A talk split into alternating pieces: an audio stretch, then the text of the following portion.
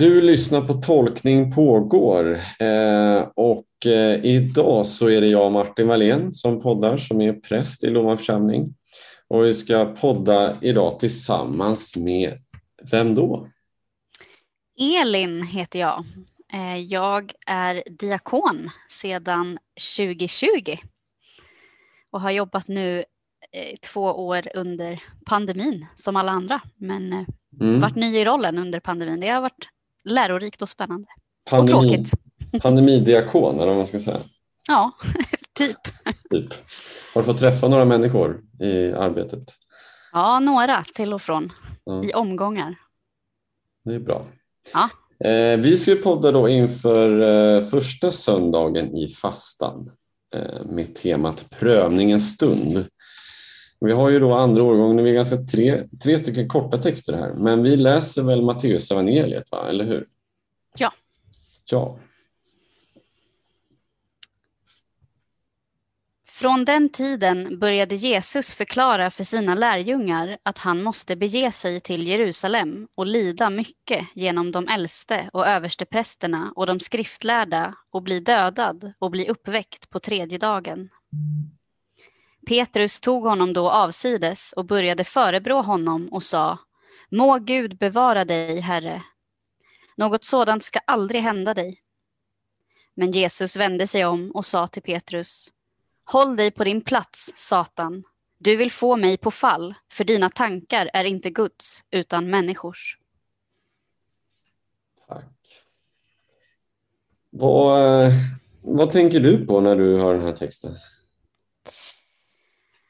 Um, ja, alltså den, jag tycker den är lite svår faktiskt. Um, sådär spontant liksom. Och jag tycker att det är lite hårt att Jesus säger Satan till Petrus. Ja. Ja. Uh, det, den blev jag lite så här, wow, okej. Okay. Um, jag tyckte han var, alltså, att man är, är liksom Jesus paranoid här. Att han Nej, liksom Peter, du pratar inte, det är inte du, det är Satan. Alltså, så han är väldigt misstänksam mot, mot honom eh, och att Satan bor då i människor på något sätt som är, som är nära honom. Just det. Just det, han kanske, just det, och ja precis, det känns ju som att Petrus kanske är lite, ja men han blir väl kanske lite rädd liksom. Ja. Och det kanske Jesus känner av. Ja, verkligen. Eh, sen har du ju liksom, för den är ju lite konstig i sig själv sådär, men i, man får ju lite hjälp med rubriken där i Bibeln, att det står första förutsägelsen om Människosonens lidande. Just det. det. Um, så att, ja. Men det är ändå ganska tidigt, eller vad man ska säga, det, de har inte kommit ännu till själva påskskeendet och sådär. Um, Nej, och de har väl inte börjat inse och förstå. Som sagt, om det är liksom första gången så blir det ju verkligen så här mm. chockartat. Mm. så nej, det där ska väl inte kunna hända. Mm. Verkligen. Men det är en kärv söndag ju med väldigt kärva texter så här, överlag. Mm. Eh, jag vill nämna liksom episteltexten här också från Jakobsbrevet. Eh, salig är den som håller ut då han prövas. Blir någon frestad är det alltid av sitt eget begär som han lockas och snärjs. Och när så begäret har blivit havande föder det synd. Och när synden är fullväxt föder den död. Mm. Ja, det, det, är liksom, det är rough. Eh, och om det är första gången va, som det är Jesus i öknen och sådär. Eh, och vi har ormen här också. Mm. Eh, på lite olika teman i detta. Ehm, så att, det, det, är, det är lite tungt liksom. Och eh, vad ska man göra med allt detta? Det ja. ja, det blir som olika typer av prövningar, tänker jag, som det skrivs om. Just det. Um, alltså både det här från Jakobsbrevet som du läste nyss, tänker jag blir lite det här att man hamnar i någon ond spiral. Alltså har man börjat göra något, någon lite dålig handling eller börjat liksom se ont så fortsätter man med det. Liksom. Det blir svårt att bryta det. Liksom. Eh, har man en gång slutat bry sig så varför börja bry sig liksom? Eh, och sen prövningen i så här, någonting illa kommer hända, hur ska vi hantera det här? Mm. Eh, och sen, ja, om man lite snabbt och hoppar till nästa årgång och ormen så så faller de ju faktiskt in i att äta av frukten fast de inte får. Um, Just det. Så jag tänker att det blir som lite, tre lite olika ja, prövningar. Och så har vi Kain och Abel här och det som händer precis efter det här är ju att han dödar sin bror. Eh, så att det är på något sätt att när ilskan kom in i världen på något sätt mm. eh, och döden kom in i världen. Eh, men det är lite så här känner jag, är vi alla liksom potentiella mördare då? Alltså, eller att det, vi, det som kommer till oss eh, kände jag att det var liksom mm. lite sådär fyrkantighet eller svartvit bild av vad det är att vara människa. Just det. det var något som jag tänkt, tyckte kanske skavde lite. Um, och tänkte att ja, det är ett problem vi har idag så där ibland. Det kan vara väldigt svartvit världsbild men det är ju uppenbarligen ett problem sedan Bibeln och kanske mänsklighetens uppkomst. Mm. Att vi kämpar med det. Men jätteintressant det du säger om att det är lite olika prövningar. Eh, jag kom in lite på frågan om ansvar, eh, just ordet ansvar så att jag mediterar lite över mm. inför idag. Um, och det är klart att det är ingen annan som kan få skuld eller skam för vad jag gör. Alltså om jag förstör någonting eller om jag sviker någon eller gör något övertramp eller något fel, ja men då är det ju mitt, alltså det är bara jag som bär det ansvaret eller den skulden. Um, och eh, ja, om man nu liksom pratar om ordet ansvar så är det ju man, jag googlade upp det lite och så det, det är ett, det kan vara skyldighet att göra någonting, alltså man har ett ansvar över att någonting ska göras. Eller att man har en skyldighet att stå till svars för någonting man gjort. Det. Eh, det är ju det som också sker lite här, i alla fall med ormen specifikt. Eh, och kanske också Karin och Abel där. Eh, kanske inte så mycket Jesus-texten, men, men i alla fall så tänkte jag att det, det, alltså att ta ansvar är väldigt jobbigt. Mm. Alltså finns det en väg ut så då tar man den direkt för att slippa det där, mm. tänker jag. Och vet man att man har gjort fel, men då vill man inte bli upptäckt. Liksom. Nej. Och det, det, tar mycket av en att möta någons blick, att stå där rakryggad och liksom ta emot ansvaret som, är, som man egentligen borde göra men att det finns som sagt den första reflexen att man inte vill det. Just det. Um, vad tänker du om ansvar? Känner du igen det jag, det jag beskriver? Ja, absolut. Men frågan är ju då om man kan se det som en prövning också då. Mm.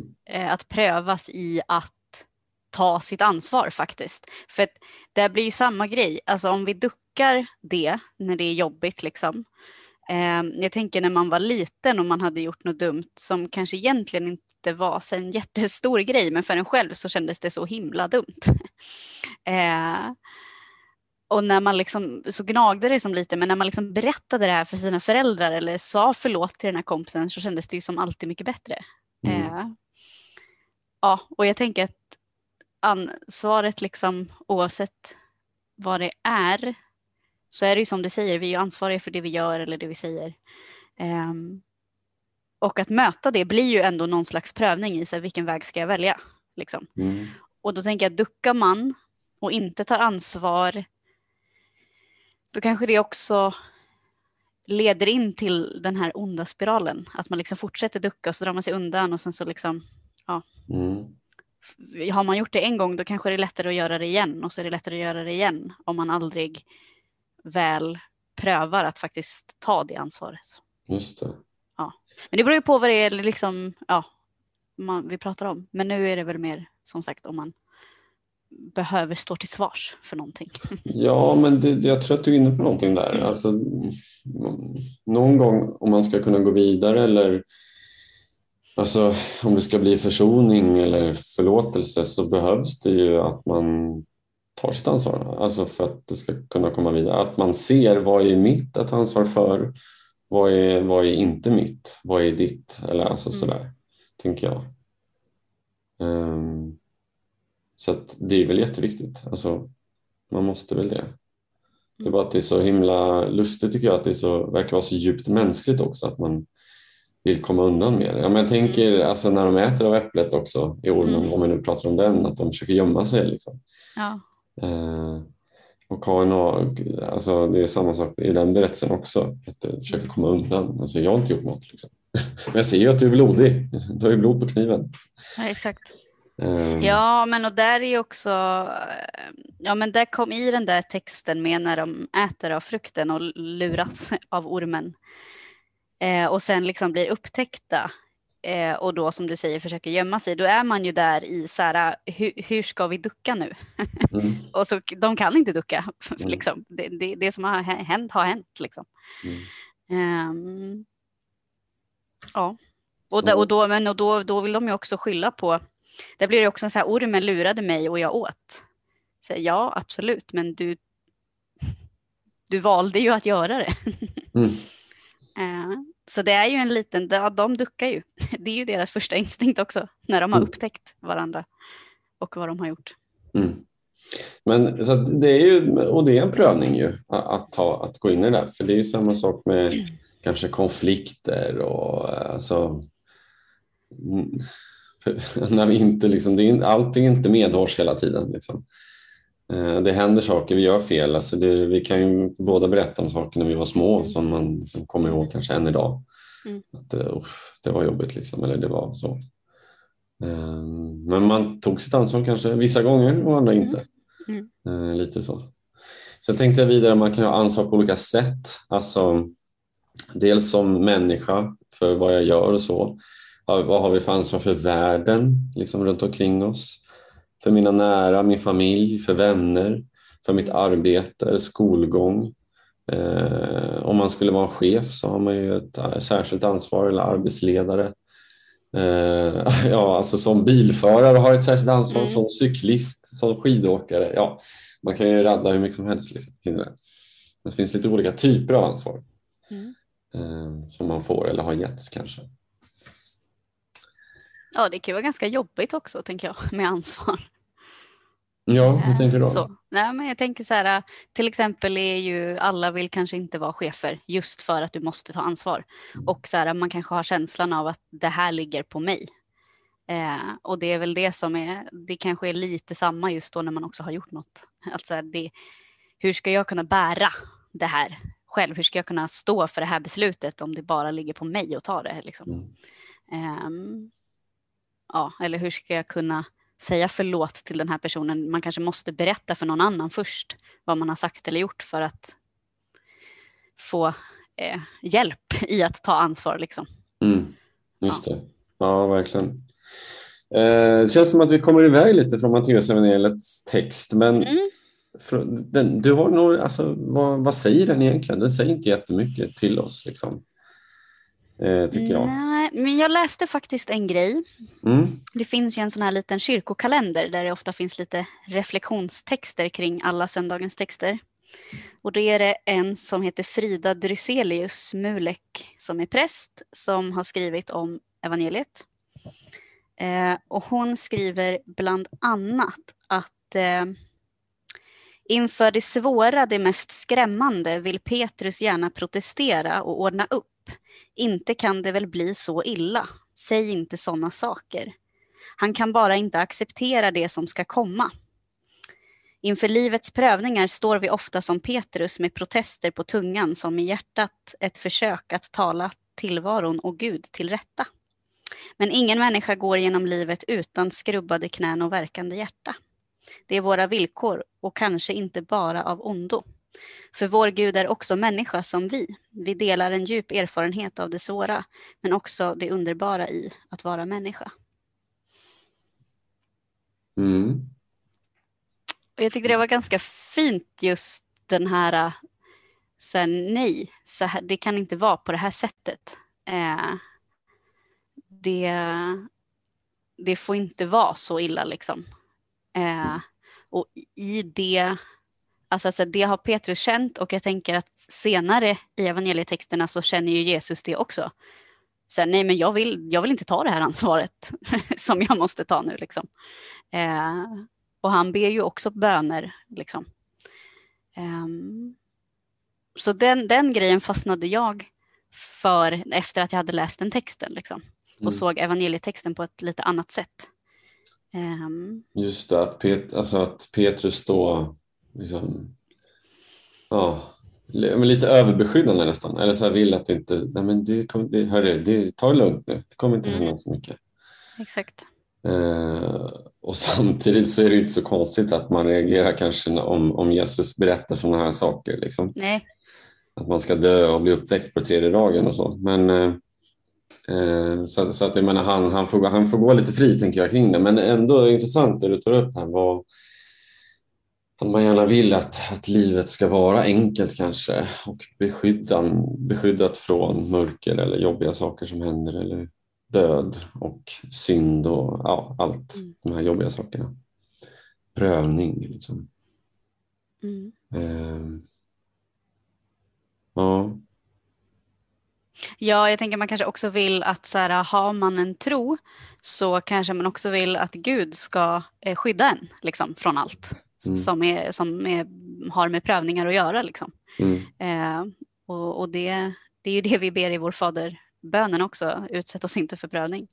Eh, och och ändå, ändå prövas vi, för det, så är livet. Liksom. mm, Eh, och det där kan ju vara svårt att få ihop, tänker jag, speciellt eh, om när man liksom prövas ordentligt.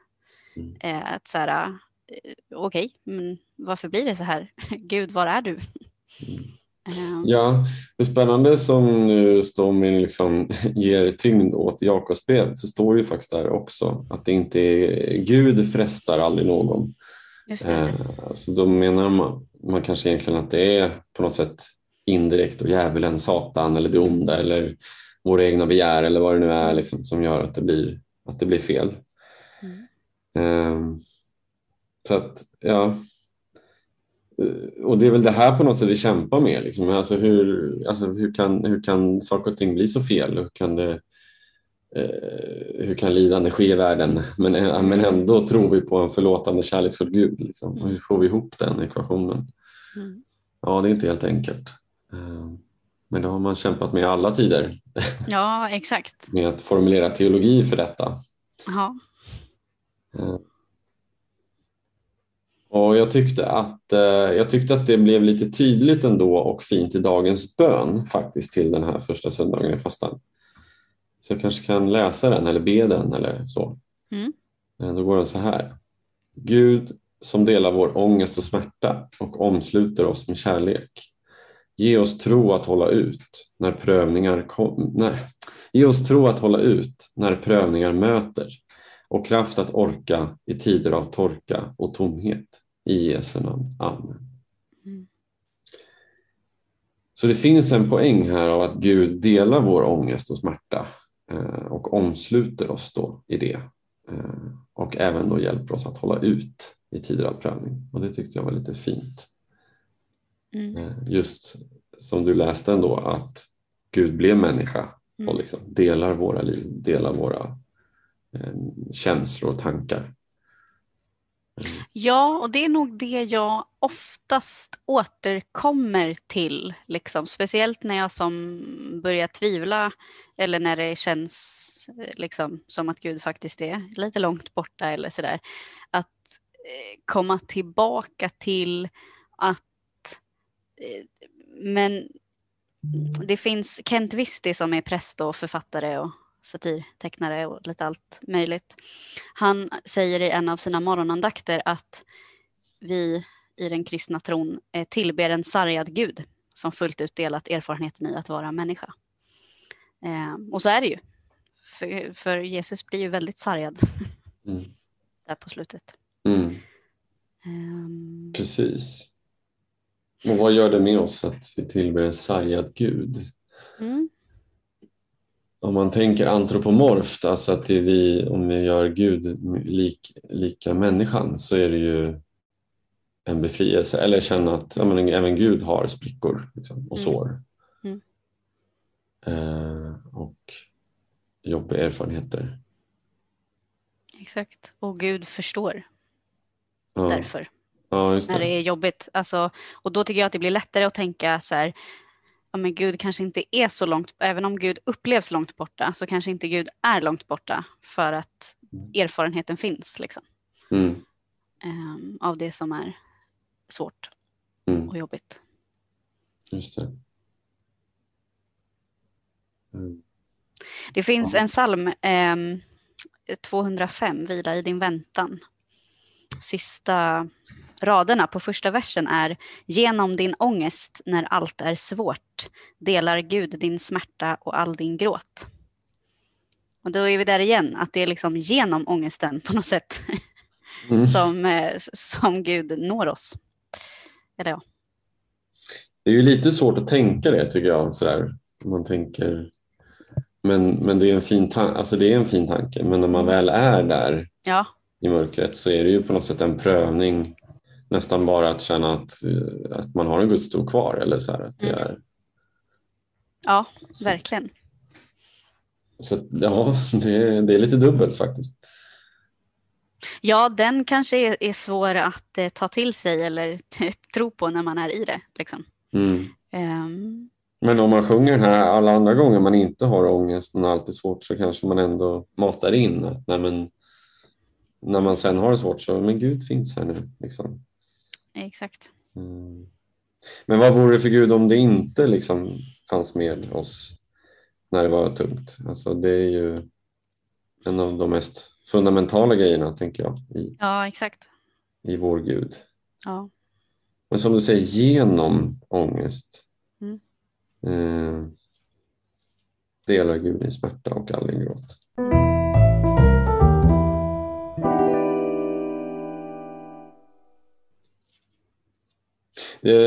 Jag har precis eh, sett färdigt på Gud som haver barnen kär på Mm. SVT. Har du sett den serien?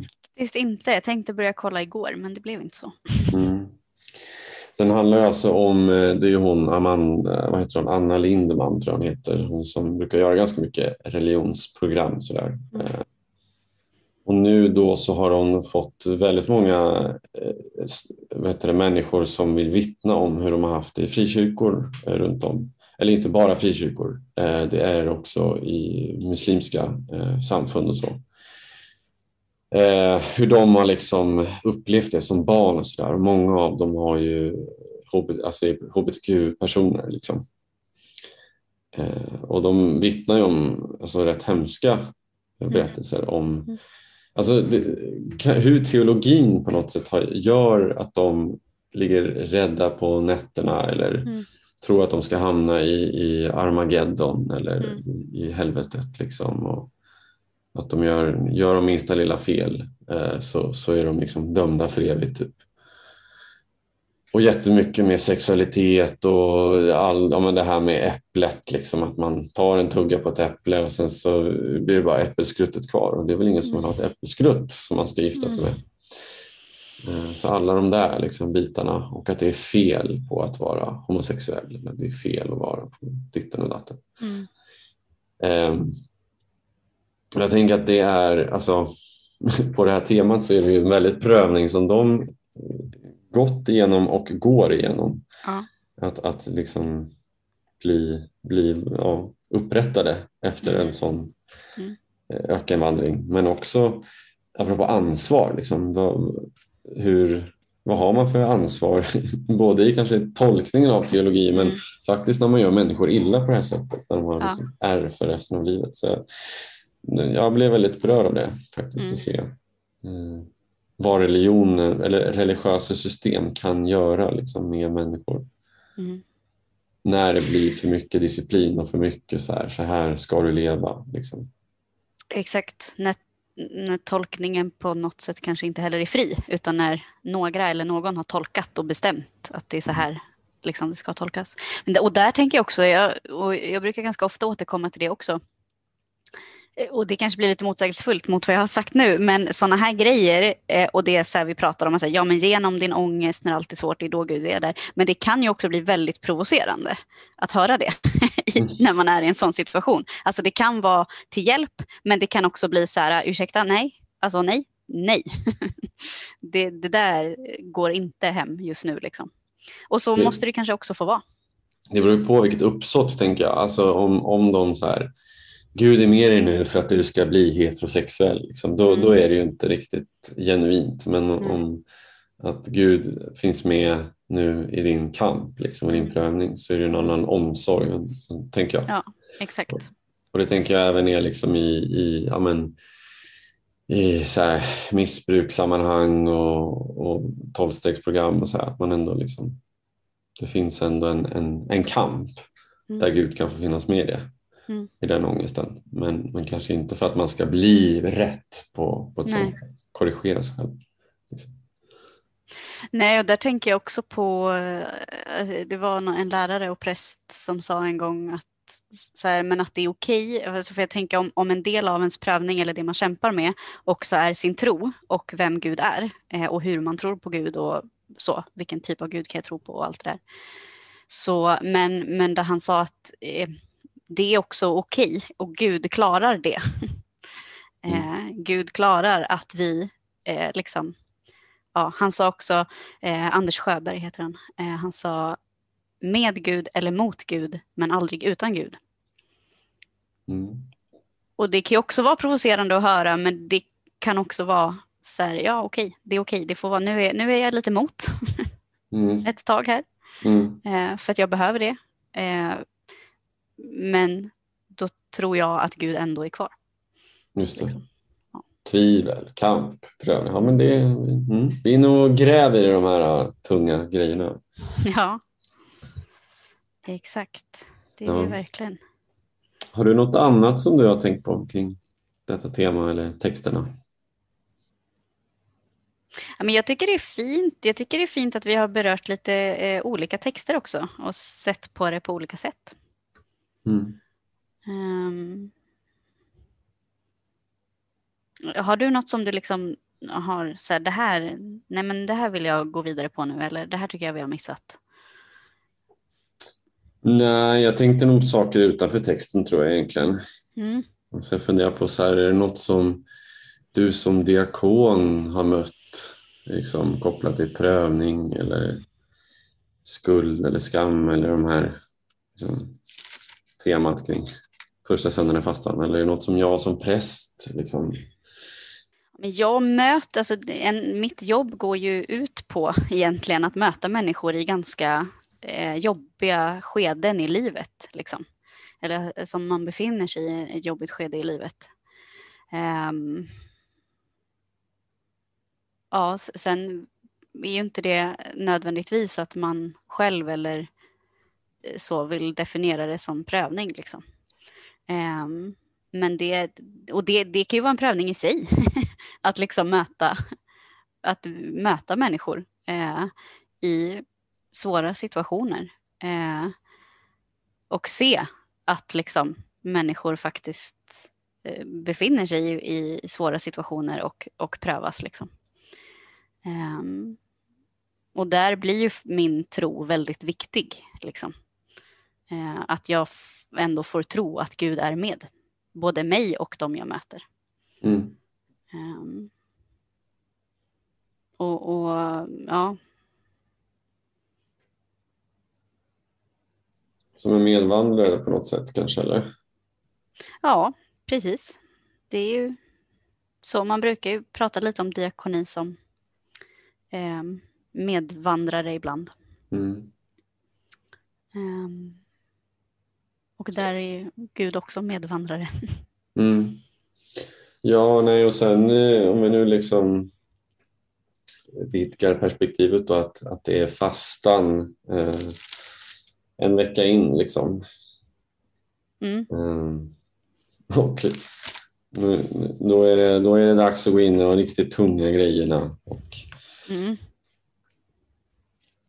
det är ju, just den här söndagen tycker jag att det har varit väldigt mycket eh, i de här texterna. Att det är mycket fokus på just det, det tunga. Annars kan man alltid ofta hitta någonting som, som så att säga bär vidare. Men det är Mm. väldigt tungt. ja, sådär. Jag får väldigt eh, flashbacks till, eh, till den gammal, gamla kyrkan. Även om Mm. inte jag levde då såklart. Men ändå en, liksom att, ja, nu, det, nu måste ni sköta er liksom, annars Mm. så, så blir det inte bra. Annars kommer döden in i världen.